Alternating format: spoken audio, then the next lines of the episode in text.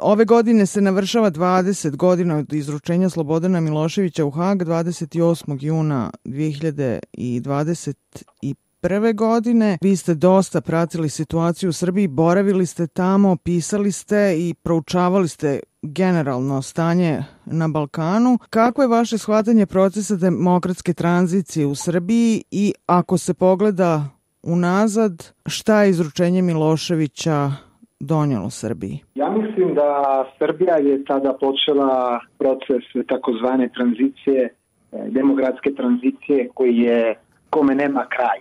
Teško je definisati taj proces e, zato što ne zna se tačno e, šta Srbiji tačno treba da bi se završio taj proces. Dakle, u ovom momentu imamo situaciju mnogo slično kao za vreme Miloševića, da država je opet autoritarna, demokratija ima standarde koje su brinjavajuće i mislim da demokratski standardi padaju. Tako da nije baš neki proces e, ovo oko demokratske tranzicije, nego više neki kao ciklus, jer se te isti elementi vraćaju kao što je bio pre e, 20 godina, samo na e, drugi način, na, na drugi oblik, ja bih rekao. Što je donelo Srbiji iz uručenja Miloševića? Mislim da je bio tek početak onog procesa istine i pravde. Ja mislim da danas u regionu imamo dobar temelj za istinu i dobar početak za pravde.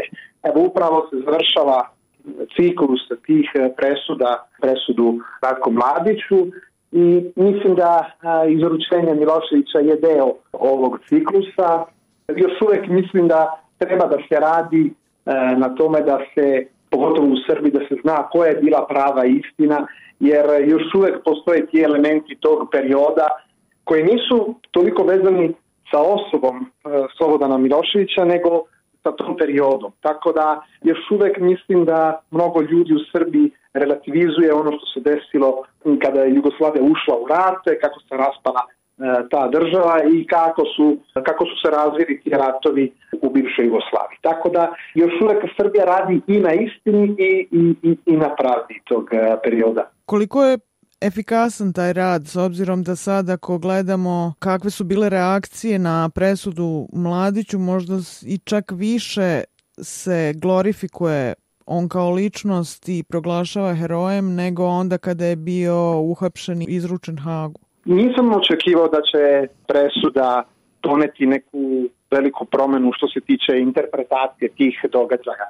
Bio sam apsolutno siguran da će jedan deo javnosti da nastavlja da glorifikuje mladića i da ga smatra kao neki heroj i da jedan deo inače bude zadovoljan što je on doživoto kažnjen. Naravno, ovaj drugi deo mislim da se uz godine e, pojačava i mislim da će da, će da raste taj, taj deo javnosti. Mislim da da je ovo, ovo proces kao nastavak rata. Dejtonski sporazum je podelio Bosnu Hercegovinu u dva entiteta, isto kolektivno sećanje je podeljeno u dva, ako ne tri dela. Tako da e, svakako interpretacija i e, smatranje tih događaja ne može biti nego ovako podeljen. I svaka presuda i svaki, svako istorijsko sećanje, sećanje tih događaja e, će biti ovako posmatran i interpretiran na dva ili tri načina. A koliki je onda doprinos samog lika Miloševića u smislu tog nasljeđa podjela koje on ostavlja iza sebe. Ove godine su dvije okrugle godišnjice. Jedna je njegovo hapšenje, druga je izručenje u Hag i kroz ta dva datuma se moglo vidjeti koliko je zapravo društvo u Srbiji podijeljeno oko lika i dijela Miloševića. Ja mislim da se gleda na Miloševića, e, kao što sam rekao, ne zbog samog političara, lidera, socijalista i predsjednika te države, nego se gleda na taj tu ideologiju, na taj nacionalizam koji je on uveo, u stvari on je krunisao nacionalizam u tadašnjoj politici. Tako da i to uz kombinaciju takozvane socijalističke ideje, ideologije, mada nije to za mene pravi, pravi uh, socijalizam. Tako da mislim da ljudi su podeljeni baš zbog toga, jer ne gledaju baš njegovu ličnost, nego gledaju ono što je on pokušavao da radi. I to je da ostvari tu ideju velike Srbije i da se vraća neko, da kažem, dostojanstvo koji prema tadašnje interpretacije bilo kao oduzeto od strane Jugoslavije kao kolektivne države i da Srbi se vraćaju kao glavni konstitutivni narod u toj, u toj državi. Tako da mislim da ljudi više gledaju na to, na kao neki nacionalni ponos i zato taj nacionalizam je dan danas jak. Iako nisu ljudi svrstani kao socijalisti, dakle, e, pristalice e, socijalističke partije. Vi ste u jednom tekstu koji ste pisali prošle godine o demonstracijama, odnosno na godišnjicu 5. oktobra i demonstracijama i pad, padu režima, taj tekst naslovili Srbija od Miloševića do Vučića povratna karta. Danas, a sad ste spomenuli Miloševića i ideju Velike Srbije, danas Vučić koristi taj termin srpski svijet. Kako se vidi ta veza i nastavak zapravo te politike kroz Vučića? Kao što sam rekao, ja mislim da je Srbija ponovo autoritarna država. Možda i na isti način kao što je bila za vreme e, Miloševića. Nego je promenila obliki ili da kažem odeću je promenila. Obliki i odeća su ono od prave demokratije, dakle glasa se, postoji kao zvaničan pluralizam stranački i čak u medijima.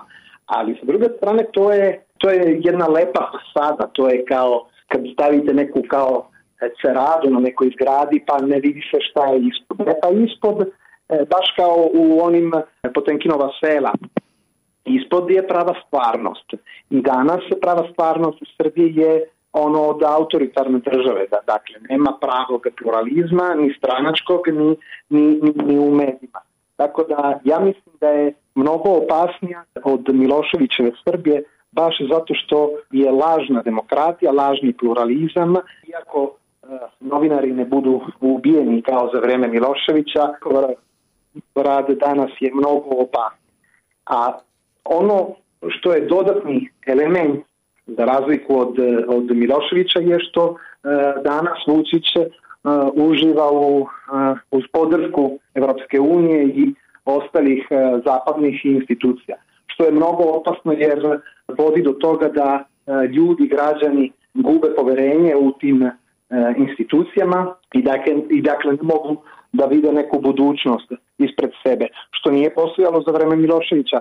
Znalo se da je Milošević e, diktator, autoritarni lider i tako dalje, da sa druge strane postoje neke institucije međunarodne koje su tu da e, pomažu. Da li su tu stvarno pomagale neću se izraziti o tome, ali danas je jasna slika da i Vučić i, i evropske institucije to je sa iste strane i mislim da je mnogo jača autoritarna država danas nego što je bila pre 20 godina. Kako onda objašnjavate taj kontinuitet politike u, u raskoraku? Mislim, na koji način Vučiću polazi za rukom da sjedi na te dvije stolice?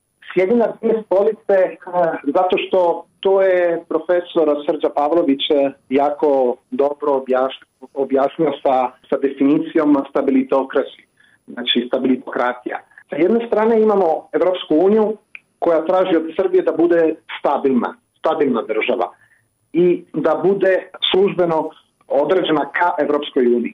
Dakle, zvanično da ne bude ka Rusiji i ka Kini, nego ka Evropskoj uniji.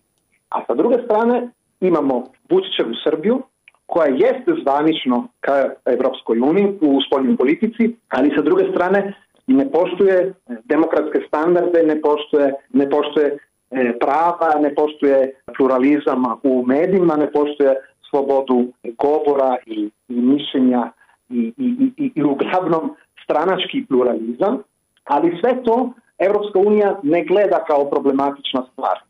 Jer ukoliko Srbija bude zvanično određena ka Evropskoj uniji, Evropska unija neće gledati te problematične stvari. Jer bude sigurna da Srbija neće e, ići ka Rusiji i ka Kini, jer, jer to stoji kao veza između Srbije i, i Evropske unije. Dakle, taj proces se, e, kako da kažem, jedan drugom se bude alimentiran kao proces. Ti ne gledaš moje probleme u u poštovanju demokratskih standarda, a ja ću biti sa druge strane svrstan ka Evropskoj uniji. Tako da, kao što sam rekao, i jedni drugi su uh, na, isto, na istoj poziciji. Ali ipak, kako god on bude zvanično svrstan prema Briselu, sa druge strane, nije on, mislim na Vučiću, nije on nikad odustao od svoje tradicionalne uh, veze sa Rusijom, koje su uh, još uvek jako bitne u, u spolnoj politici za očuvanje kosovskog pitanja. Tako da, to je samo ono što kao što sam rekao, ono što se zvanično gleda, ali istina i suština su mnogo drugačije. Zapravo dvostruka politika je na neki način sad uslovljena i promjenom pozicije. Ipak je kontekst drugačiji, taj geopolitički kontekst u smislu same pozicije Rusije kakva je ona bila prije 20 godina i od pojave Kine i uticaja Kine i na Balkanu, ali možda najviše i u Srbiji. Kako sad pojašnjavate taj spoljni uticaj? U tom kontekstu Srbija bila dosta lukava, da, da tako kažem, i na neki način i pametna. Jednostavno Vučić je skontao da Rusija sada je dosta siromašna zemlja. To znači da ne može da pomaže konkretno Srbiji kao što je Evropska unija uradila do, do sad, koja je, koja je jako finansijski pomagala e, Srbiji u ovih e, zadnjih 20 godina. Jedino što može da radi Rusija je da u, u, u Savetu bezbednosti u, u jedinim nacijama očuva taj, taj moć veta i da se tako ovaj ne dođe do, do priznanja Kosova u većem delu sveta. Sa druge strane, kao što sam rekao, nije to bogata zemlja. Bogata zemlja jeste Kina i Kina jeste mogla pomoći i na finansijski način Srbiji, kao što, kao što je sada radila za vreme pandemije. Tako da zbog toga kažem da je Vučić jako lukav kad, kad, pričamo o spolnoj politici. Zato što iskoričava političke veze sa Rusijom da bi očuvao Kosovo, partnerstvo u ekonomiji sa, sa zemljama Evropske unije, ali i pomoć od, od Kine tokom pandemije, kao što smo videli uz vakcine i uz svu ostalu opremu koja je Srbija dobila od Kine tokom prvih meseca uh, prvih talaca pandemije. Da li se može naći neko rješenje u smislu prevazilaženja prošlosti u Srbiji, pa samim tim i prevazilaženja te zaostavštine Miloševića u odnosu na, na demokratske procese? Mislim da treba jasno i otvoreno govoriti o kolektivnim odgovornostima za vreme rata i za vreme raspada Jugoslavije. Kad kažem kolektivne odgovornosti, ne mislim da su Srbi odgovorni za, za zločine, odgovorni za, za, za genocid, jer ova je poruka pogrešno prošla i stigla do, do samih građana. I, to je najveća greška i ono što mislim da je najgore što je mož, moglo da proizvodi e, isto Aški tribunal uz tih presuda. Nego treba da se priča otvoreno i, i javno i politika može da utiče na to, nego vidim da opozicioni političari ne govore o tim događajima jer se plaše da gube onu malu podršku što već imaju. Jer sve te godine, svi ti 20 godina, politika 90-ih i ona dešavanja su ostala tabu tema. To teško je danas da se radi na tome i da se daje neki doprinos za pomirenje, jer ostaje tabu tema, niko ne sme da o tim stvarima govori, a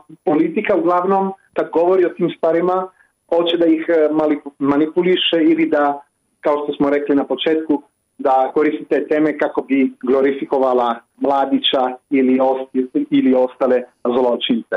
Tako da mislim da je sad kasno, mada jedina nada je da udruženja socijalnog društva, da se oni angažuju i da oni daju svoj doprinos svim građanima i građankama da se o tome jasno i otvorno govori i priča.